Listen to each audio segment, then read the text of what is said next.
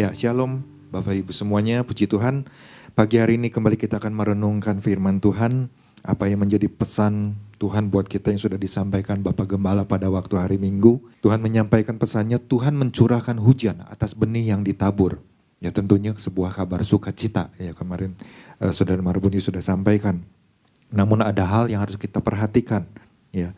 Nah, yang menjadi dasar dari uh, pesan Tuhan ini diambil dari kitab Yesaya pasal yang ke-30 ayat yang ke-23. Saya bacakan untuk Bapak Ibu semuanya, lalu Tuhan akan memberi hujan bagi benih yang baru kamu taburkan di ladangmu dan dari hasil tanah itu kamu akan makan roti yang lezat dan berlimpah-limpah. Pada waktu itu ternakmu akan makan rumput di padang rumput yang luas. Nah, melalui pesannya ini kan kemarin Bapak Gembala sudah sampaikan latar belakang ya semuanya dan tentu kita bisa mempelajari ya bagaimana sifat Tuhan sesungguhnya. Di situ disampaikan di warta juga tertulis Tuhan itu adalah pribadi yang ingin segera bertindak menjawab seruan ya, seruan dari uh, mereka. Dia juga uh, tidak tidak ingin berlama-lama untuk menunjukkan kasihnya kepada umatnya tapi kita diingatkan jangan lupa ya bahwa Tuhan itu memiliki ketegasan. Tuhan tidak mem, uh, membiarkan kesalahan tanpa konsekuensi. Tuhan juga siap untuk menuntut umatnya kepada langkah-langkah yang membukakan sesuatu yang luar biasa kepada umatnya. Selain itu apalagi Tuhan juga adalah pribadi yang tidak membiarkan segala sesuatu berjalan tanpa pembelajaran. Nah tentunya di atas semuanya itu kalau kita merenungkan kembali, oh ternyata pasti kalau Tuhan berkata seperti itu ada tujuannya, ya. Ada tujuannya, ya pasti untuk mendisiplinkan rohani. Ya tentunya buat setiap kita, anak-anaknya, ya di masa saat ini. Untuk tetap kita juga mempunyai pengharapan. Ya, jangan sampai pengharapan itu menjadi hilang, ya. Pengharapan itu menjadi lemah dan juga untuk memurnikan iman umatnya kepada Tuhan. Kalau Bapak Ibu baca inti pesan Tuhannya, saya bacakan kembali, Tuhan menjanjikan akan bertunasnya benih yang kita taburkan di ladang. Ya. Nah kan kemarin sudah dijelaskan kalau mengacu kepada ayat ke-23 ini, ya tentu hasil benih yang ditaburkan itunya kan kalau kita baca itu sangat luar biasa sekali. Ya, Kita akan menikmati roti yang lezat berlimpah-limpah. Kita tahu dari uh, hasil seperti apa yang mungkin membuat si penuai memakan roti yang lezat yang berlimpah-limpah. Tapi di sini kita diingatkan, ya, jangan kita terburu-buru membayangkan hasil, ya, hasil yang akan diperoleh, ya. Tapi kita juga harus uh, pastikan bahwa umat Tuhan telah melakukan langkah awal. Nah ini yang yang menjadi perhatian yang saya renungkan kembali, yang saya dengar kembali langkah awal terlebih dahulu yaitu menaburkan benih atau bibit kebenaran. Ya. Nah tentu kan hasilnya adalah sesuatu yang tentunya kita ingin hasil yang bermanfaat. Ya. Nah kemarin ada dua poin yang disampaikan oleh Bapak Gembala. Yang pertama adalah bahwa benih yang pernah kita tabur akan mulai memunculkan hasilnya. Yang kedua bahwa kita bisa ikut ambil bagian agar hujan dicurahkan. Hal apa lagi yang bisa kita pelajari agar agar kita juga semakin lebih lagi memahami berkaitan dengan pesan Tuhan ini ya. Nah tadi kan sudah ditekankan ya di, di warta di sudah ditekankan bahwa sebagaimana yang tertulis ya ini kita diingatkan untuk jangan terburu-buru membayangkan hasil yang akan kita peroleh. Tapi pastikan bahwa umat Tuhan telah melakukan langkah awal terlebih dahulu ya. Yaitu menaburkan benih atau bibit kebenaran. Nah bagi Bapak Ibu yang belum mendengarkan pesan Tuhan di minggu ini, ya bisa lihat kembali di YouTube atau di aplikasi RDMB supaya kita bisa terus ya mengikuti ya pesan-pesan Tuhan ini. Kita sudah diingatkan ya untuk kita perhatikan baik-baik, kita pelajari baik-baik. Ketika saya merenungkan ulang dari poin apa yang disampaikan oleh Pak Ishak waktu hari Minggu kemarin ya, khususnya di poin yang ke satu ini, bahwa uh, benih yang pernah kita tabur akan mulai memunculkan hasilnya. Kemarin kita diingatkan bahwa ladang yang dimaksud ini adalah adamah, ya, maksudnya tanah, ya tanah. Dan, dan di mana benih yang seperti apa yang kita tabur? Kemarin kan sudah diuraikan, ya. Apakah yang pasti tentunya sebagai orang percaya kita pasti akan menabur yang uh, menabur yang namanya benih kebenaran, ya. Benih kebenaran. Atau mungkin juga lewat pesan yang kita terima dari minggu ke minggu. Apakah kita benar-benar memperhatikan baik-baik? Apakah kita benar-benar menghidupinya? Setiap pesan Tuhan yang sudah disampaikan Bapak Gembala, ya, yang didapatkan setiap minggunya ketika datang ke hadapan Tuhan, ya minta supaya terus dituntun. Dan kita, apakah selama ini kita benar-benar memperhatikan semuanya itu, ya? Atau mungkin juga benih yang Tuhan janjikan secara pribadi, ya yang kemudian kita bangun lewat hubungan dengan Tuhan. Nah, saya jadi ingat ketika beberapa tahun yang lalu saya lupa nggak tahu udah berapa tahun ya. Ada orang yang kasih buah alpukat ya. Dikasih kemudian waktu di, di, uh, dimakan wah ini dagingnya begitu luar biasa ya. Alpukatnya warnanya kuning seperti itu kuna, men, seperti mentega begitu dan bagus gitu. Sampai kepikiran wah di halaman belakang kan ada ada taman. Ya udah iseng. Saya suruh pembantu bi nanti ini tanam ya siapa tahu bisa tumbuh. Entah nggak berapa lama ya sampai akhirnya tumbuh kelihatan ya mulai ada batangnya tunasnya segala macam dan bertumbuh tegak ya. Wah pikir saya bagus juga bisa tumbuhnya tegak seperti itu ya. Dan setelah sekian lama semakin besar semakin besar sampai akhirnya mulai miring berat ke salah satu arah gitu. Tapi sudah sekian tahun belum menghasilkan buah. Ya, belum menghasilkan buah. Saya nggak kepikir karena nggak mengerti. Ya cuma iseng aja, ini akan berbuah apa enggak ya? Saya pikir ya biji alpukat ini. Diharapkan sampai baru menyadari mungkin beberapa bulan kemarin, ya waktu adik istri saya datang, terus melihat pohon itu karena pohon itu karena saking arahnya udah berat sebelah, sempat saya khawatir, wah jangan-jangan nanti kalau tertiup terpaan angin bisa roboh, membahayakan. Saya suruh pegawai yang di toko di sana, gimana caranya supaya bisa agak tegak sedikit. Apakah ditambah tanah ataukah ditarik dengan kawat supaya agak tegak seperti itu. Akhirnya ditebanglah bagian atas. Nah waktu adiknya datang, sedikit marah. Wah kenapa atasnya ditebang seperti itu? Ya, jadi jelek dan lain sebagainya. Tapi kemudian tumbuh, tumbuh lagi, tumbuh lagi. Entah berapa lama kemudian tiba-tiba muncul satu buah. Lucunya cuma satu Bapak Ibu. Ya, cuma satu diperhatikan dari hari ke hari. Itu pun nggak disadari karena dia yang lihat. Dari ke kecil sampai akhirnya saya lihat, eh, iya ya berbuah. Cuma satu, tapi lucunya cuma satu. Berbuah makin lama makin besar, besar, besar sampai terakhir mungkin berapa minggu yang lalu lah. Saya coba dipetik, ya petik. Ya udah, dibiarkan sampai mateng dan lumayan hasilnya lumayan, ya cukup bagus juga ternyata. Ya. Jadi dari situ wah ada sedikit kegembiraan, ya.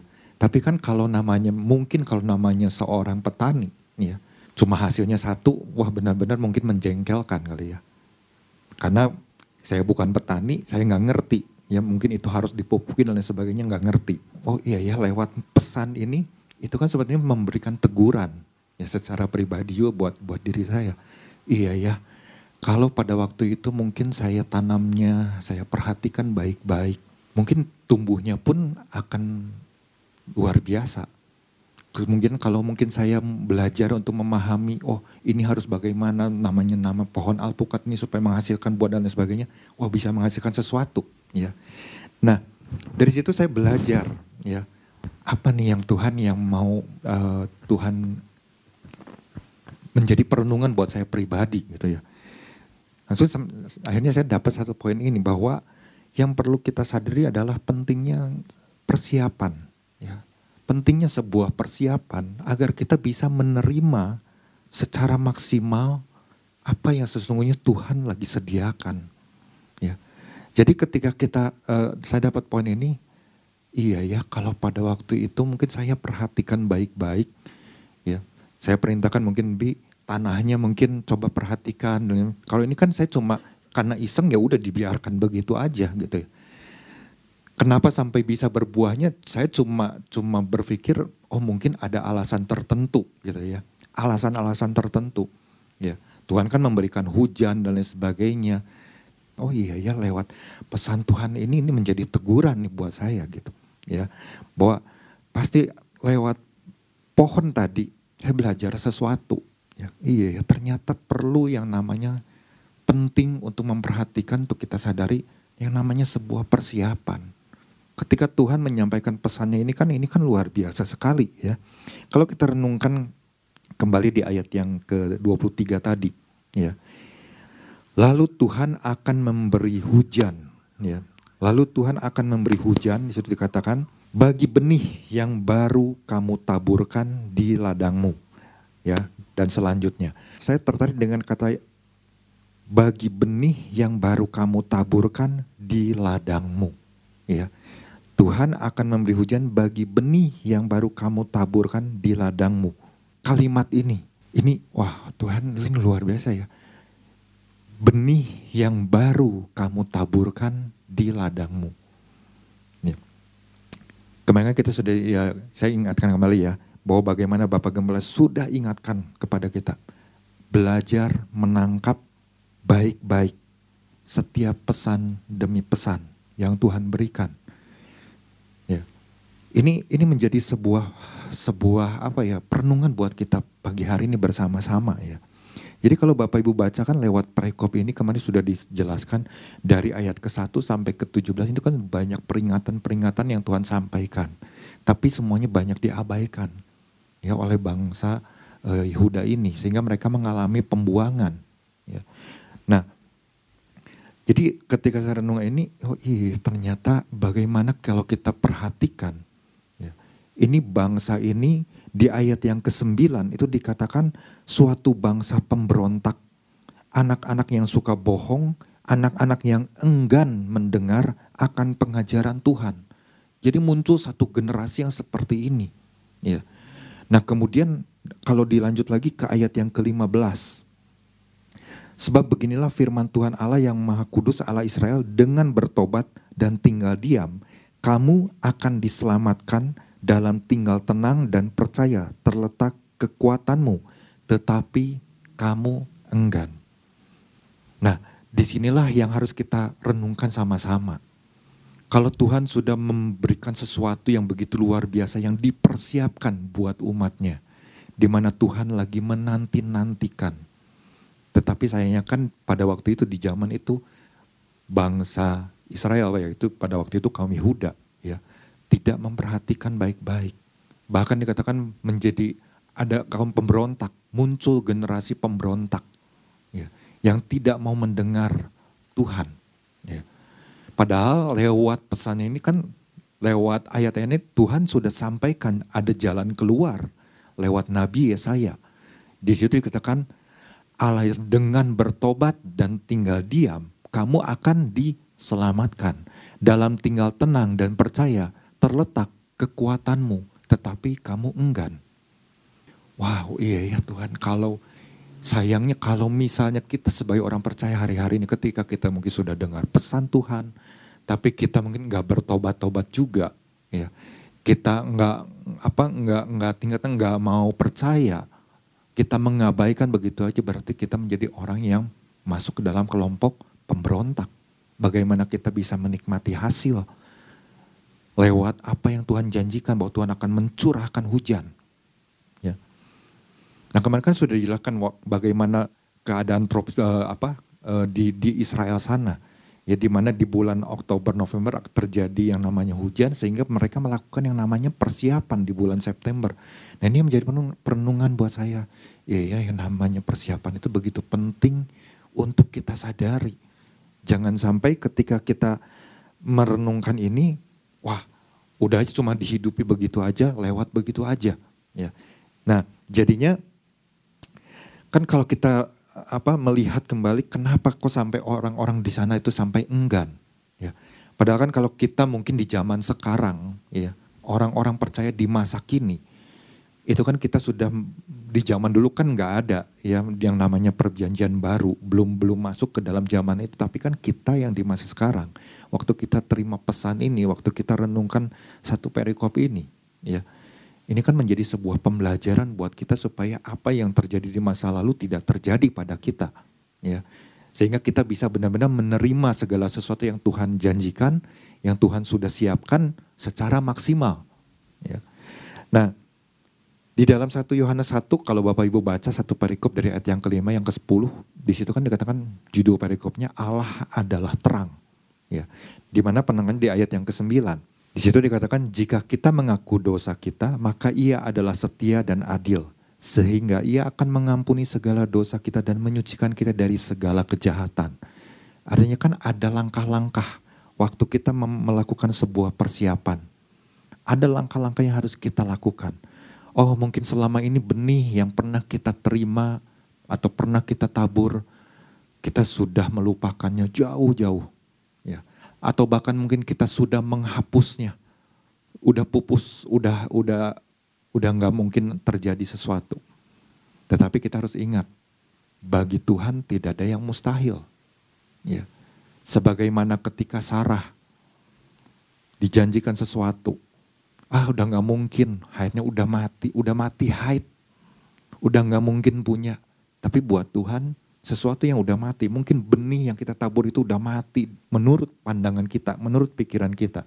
Tapi buat Tuhan tidak ada yang tidak mungkin. Tuhan bisa tumbuhkan kembali menjadi benih yang hidup kembali, yang bisa memunculkan tunas. Ya. Nah ini makanya kita dengan iya ya kita nggak boleh yang namanya kehilangan pengharapan. Berapa banyak mungkin hari-hari ini orang sudah kehilangan pengharapan. Ya. Apa yang mungkin terus didoakan dulunya, ah udahlah capek nggak mau doa-doa lagi. Ah udahlah nggak usah Tuhan-Tuhanan lagi. Udah nggak usah ke gereja, udah lewat online aja.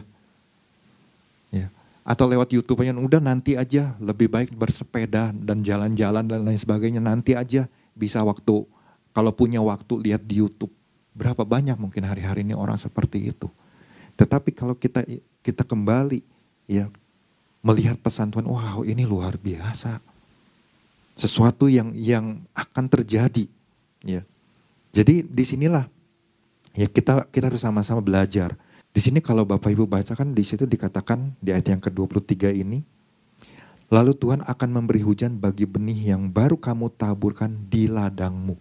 Ya. Penekanannya di ladangmu. Kalau Bapak Ibu setiap kita diberikan oleh Tuhan sebuah ladang. Namanya ladang itu kan pasti cukup luas. Ya. Anggaplah satu hektar, satu hektar itu udah cukup besar. Ya. 10 ribu meter. Kalau ladang itu pastikan di dalam ladang itu ada yang namanya tanah. Dibiarkan terhampar begitu aja, terlantar begitu aja. Kemudian kita mau datang tabur benih, tabur benih. Ya. Apakah bisa bertumbuh dengan baik, dengan maksimal? Saya rasa tidak akan bisa tumbuh. Walaupun mungkin dia bertumbuh, tapi tidak hasilnya tidak akan maksimal. Makanya perlu yang namanya tanah itu, oh kita olah, kita gemburkan.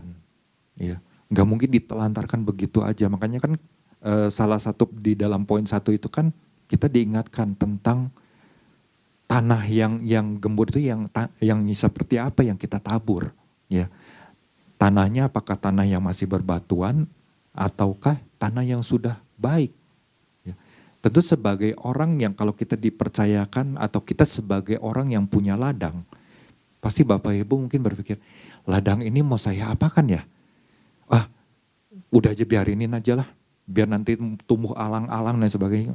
Mungkin kita akan akan berpikir sebisa mungkin, ah ladang ini mungkin dalam situasi sulit, apa yang bisa saya manfaatkan ya? Oh ya udah, misalnya tanam jagung atau misalnya, wah udahlah dibikin sawah aja supaya bisa menghasilkan padi.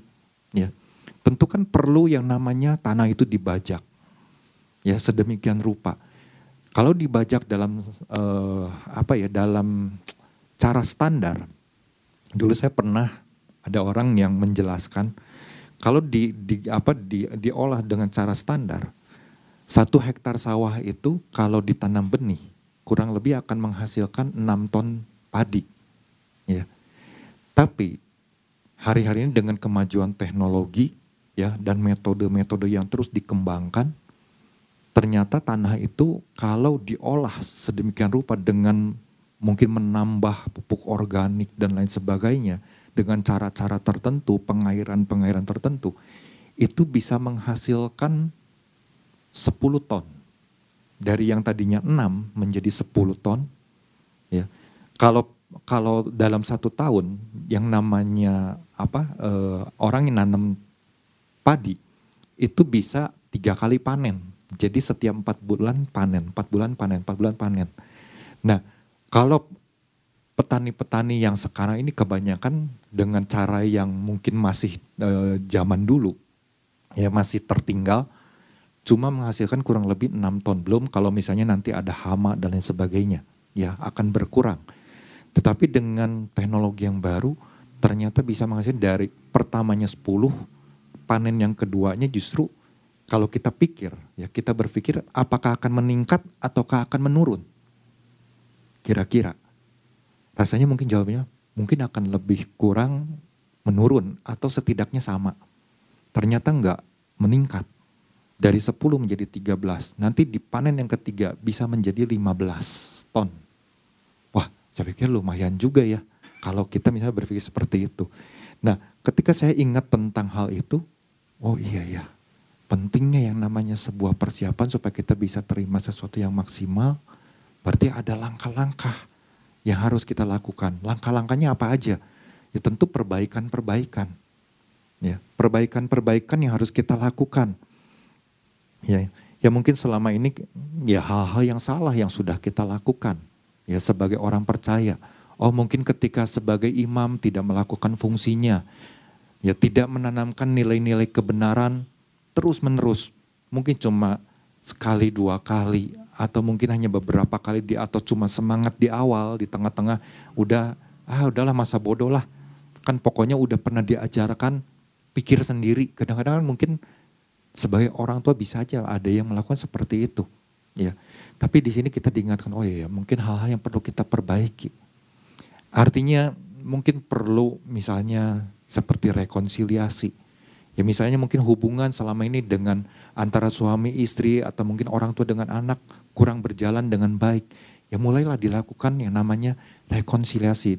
Di, dibuat yang namanya mungkin sebuah apa ya perbaikan di dalam namanya hubungan ya pemulihan di dalam hubungan. Supaya benih-benih yang mungkin pada waktu itu pernah ditabur bisa hidup kembali ya. Bisa uh, aktif kembali. Nah kemudian itu yang yang yang apa ya langkah yang pertama. Jadi ada perbaikan-perbaikan yang harus kita lakukan ya. Kalau misalnya mungkin selama ini kita berpikir aduh benih apa ya yang saya uh, pernah tabur? Kalau misalnya kita berpikir ah rasanya nggak pernah tuh Inilah saatnya kita datang sama Tuhan. Sebagaimana ayat firman Tuhan, bertobat dan tinggal diam. Artinya berbalik. Oh Tuhan selama ini mungkin saya nggak pernah menabur. Ya datang sama yang punya benih. Minta Tuhan benih apa yang harus saya tabur. Mulailah di situ kita tabur. Ya, tentu dengan persiapan-persiapan tadi. Oh iya mulai, mulai menggemburkan yang namanya tanah. Tanah ini kan berbicara dengan hati. Hubungannya sangat erat dengan hati. Mungkin selama ini punya kepahitan, punya kebencian, punya amarah. Itu yang harus disingkirkan. Itu yang harus dibersihkan sampai benar-benar semuanya itu udah nggak ada lagi. Semuanya itu dilakukan pemberesan. Ya. Mulailah terjadi sesuatu. Ya. Kemudian langkah apa lagi? Kalau yang saat tadi saya saya umpamakan tentang sawah tadi, itu saya baru tahu yang namanya istilahnya itu orang kasih nama revitalisasi. Revitalisasi. Jadi menghidupkan atau menggiatkan kembali gitu. Tanah yang sudah mungkin menghasilkan panen beberapa kali, kemudian kalau cuma dibajak begitu aja, diairi begitu aja tanpa diberikan sesuatu, ya hasilnya pasti nggak akan maksimal. Makanya lewat teknologi yang semakin luar biasa dan ditemukan mungkin uh, pupuk organik yang sangat-sangat baik menghasilkan padi yang kalau mungkin kenapa bisa dari 6 bisa jadi 10 ternyata bulir-bulir padinya pun jadi besar-besar. Ya. Nah dari situ kan pada waktu itu kan orang memperhatikan hal tersebut karena apa? Karena pada waktu itu uh, Bapak Presiden sempat menyampaikan bahwa perlunya untuk penyediaan pangan untuk tujuh tahun ke depan kalau diingatan seperti itu kan ini bagaimana masa-masa pada waktu Yusuf pada waktu itu ketika ada di di Mesir. Ya, akan terjadi tujuh tahun kelaparan, tujuh tahun kelimpahan. Ya. Nah pada waktu itulah orang mulai uh, apa terarahkan dengan namanya penyediaan pangan, ya, dengan segala hal. Ya. Dan wah saya pikir ini luar biasa sekali ya kalau Tuhan sudah men menyampaikan pesan ini. Ya. Jadi dari situlah kita perlu yang namanya langkah lainnya adalah revitalisasi. Jadi mulai menggiatkan kembali diri kita, tentunya apa ya uh, hati kita ini kalau mungkin selama ini hati kita rasanya udah bersikap dingin ya. Kita kan sudah diingatkan pesan-pesan Tuhan beberapa waktu lagu uh, lalu untuk bangun dari ketertiduran rohani. Ya jangan menjadi dingin rohani ya. Itu kan artinya wah ada ada hal yang sebetulnya harus terus kita apa ya perhatikan lewat pesan-pesan Tuhan ini bahkan kalau perlu mungkin mengulang beberapa bulan yang lalu kita baca lagi kalau perlu mungkin dari awal kita terima visi Tuhan ya tentang mencelikkan mata yang buta. Ya, kita baca lagi, kita renungkan lagi. Di situ pasti kita akan menemukan hal-hal lain lagi, hal-hal yang baru lagi. Ya, jadi nggak ada salahnya ya untuk langkah-langkah itu kita lakukan supaya terjadi yang namanya ya tentunya kita bisa terima hal-hal yang yang baik yang Tuhan uh, janjikan ya Nah, terus apa lagi nih yang harus harus kita lakukan? Ya tentu kita juga mulai singkirkan jauh-jauh ya. Yang saya katakan tadi, kita mulai sirami ya hati ini dengan hal-hal yang baik. Pupuk yang baik. Ya. Benih-benih yang baik. Kemarin kan sudah dijelaskan pasti namanya orang percaya selalu menginginkan menabur benih yang baik.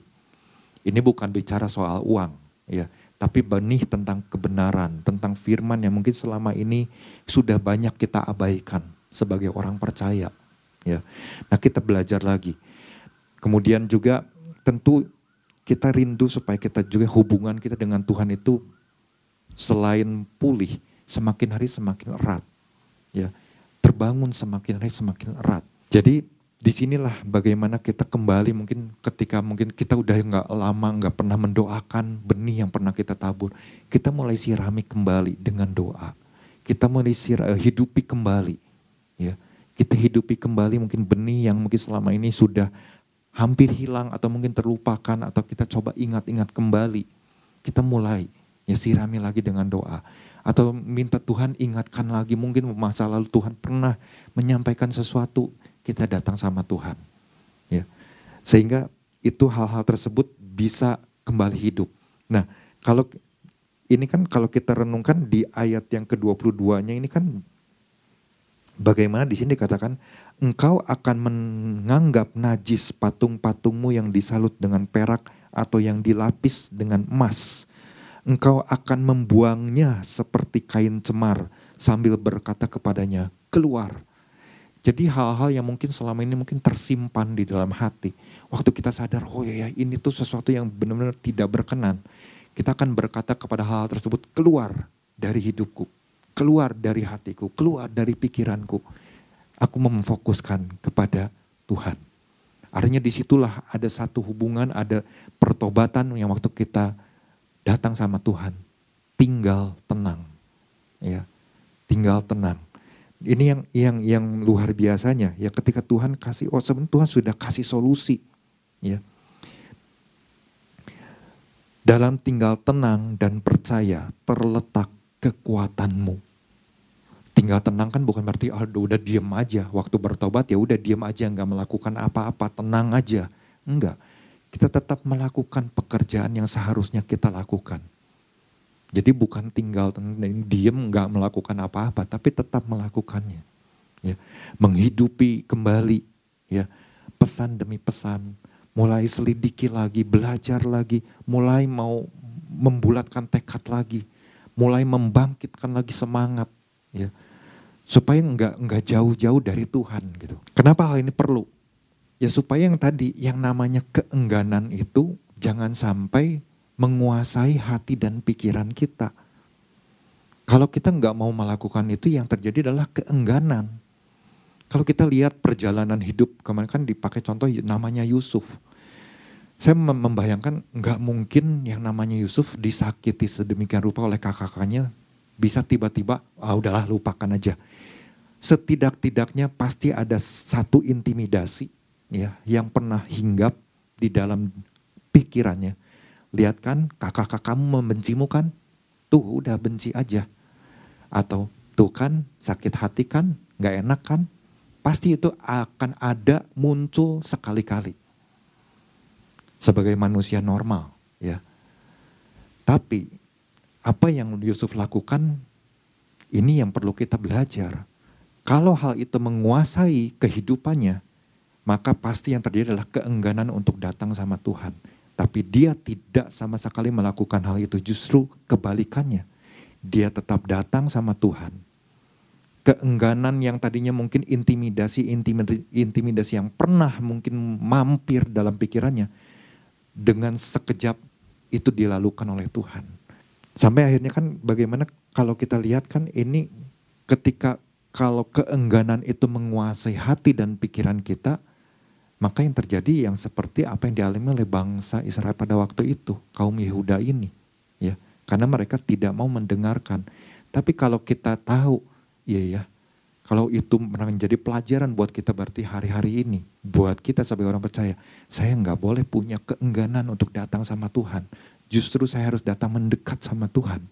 Di situlah akan terjadi yang namanya pemulihan. Karena firman Tuhannya kan jelas dikatakan di ayat yang ke-26. Maka terang bulan purnama akan seperti terang matahari terik. Ya di saya pasang ke-30 ini kan. Dan terang matahari terik akan tujuh kali ganda yaitu seperti terangnya tujuh hari. Wow.